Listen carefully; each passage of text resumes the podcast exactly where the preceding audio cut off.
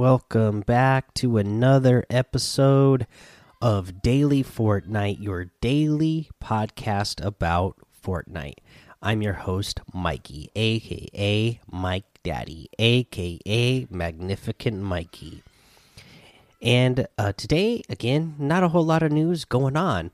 Uh, you know, and you know, who knows? Maybe going forward, there's not going to be a whole lot of news coming out. We'll see how much stuff they're going to give us during the extra downtime that they're doing you know all the way until uh, the beginning of february.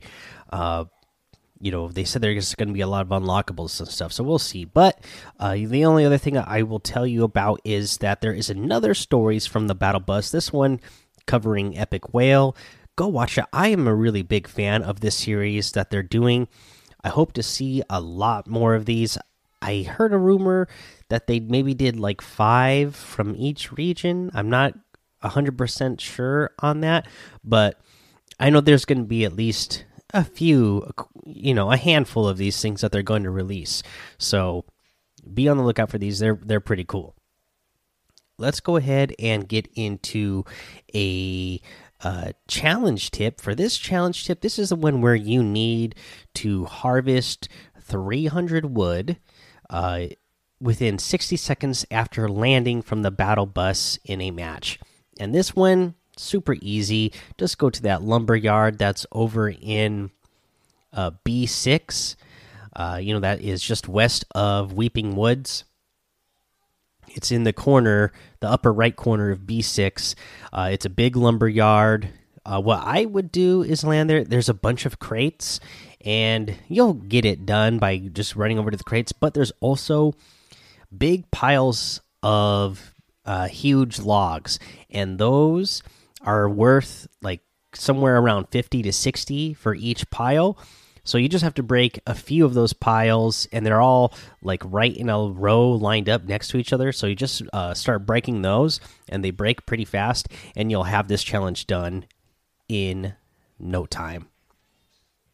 Uh, I guess the only thing I'll mention here is uh, before we take our break is that we have high explosive squads and uh, siphon duos as the LTMs in the game right now. Uh, but yeah, that's all I got for you. So let's go ahead and take our break, and we'll come back and go over that item shop once again. All right, and let's take a look. Uh, we still have the Globe Shaker outfit in the item shop, which I still love. We have one of my new favorites, the Grim Fable outfit. Uh, you know, we've had this one in this season for a little while now, but it is back. And again, I just love this outfit. I've been using it all the time, plus that uh, pack leader back bling that it comes with. Uh, I use that on just about everything now. Uh, you also have the big bad axe harvesting tool and the wolf hunter wrap.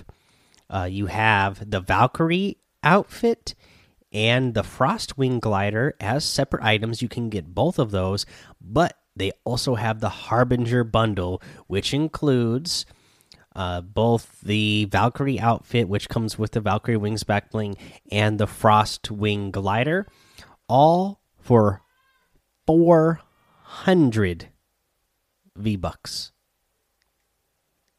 That is just absolutely insane.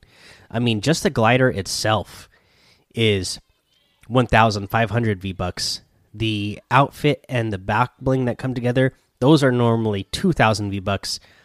You can get this entire bundle.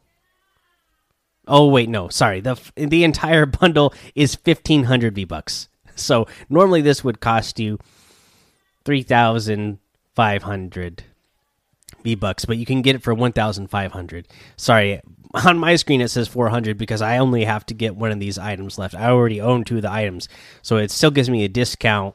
Uh, it's still a big, huge discount. So if you happen to be like me and you already have the Valkyrie outfit, and but you still you've been wanting that glider, you can get the glider now.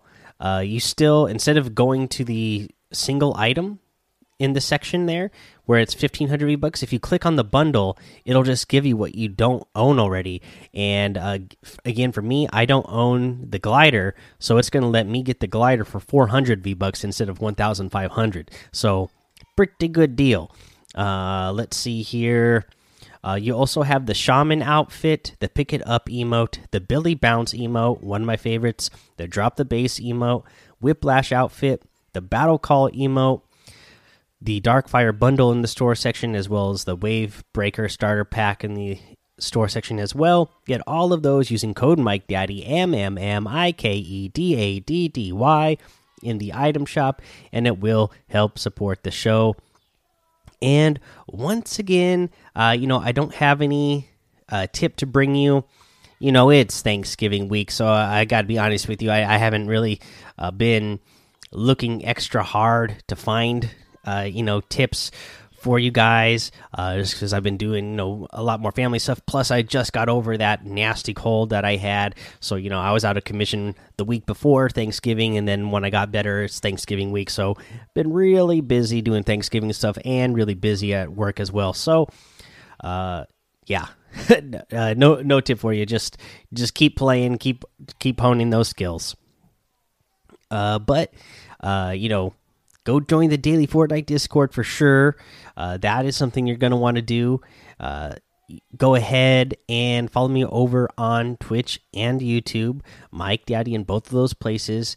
Uh, make sure you head over to Apple Podcasts so you can get a five star rating and a uh, written review over there for a shout out on the show. And this week, we actually have a couple of reviews to get to. So, first one up from DPW4 titled Great. It's a five star rating and it reads pretty nice. Thank you for that awesome review. Uh, and then we have one from 1000% Cool Titan Score. One pump is no more. Okay, so friend me at Titan underscore one pump or Landward Dash King. Recently, my clan name changed from Titan to Impulse. Subscribe on YouTube at Team Impulse. Well, well there you go. Uh, thank you, Team Impulse, for that uh, five star rating and written review. Guys, uh, make sure you subscribe as well so you don't miss an episode. And until next time, have fun, be safe, and don't get lost in the storm.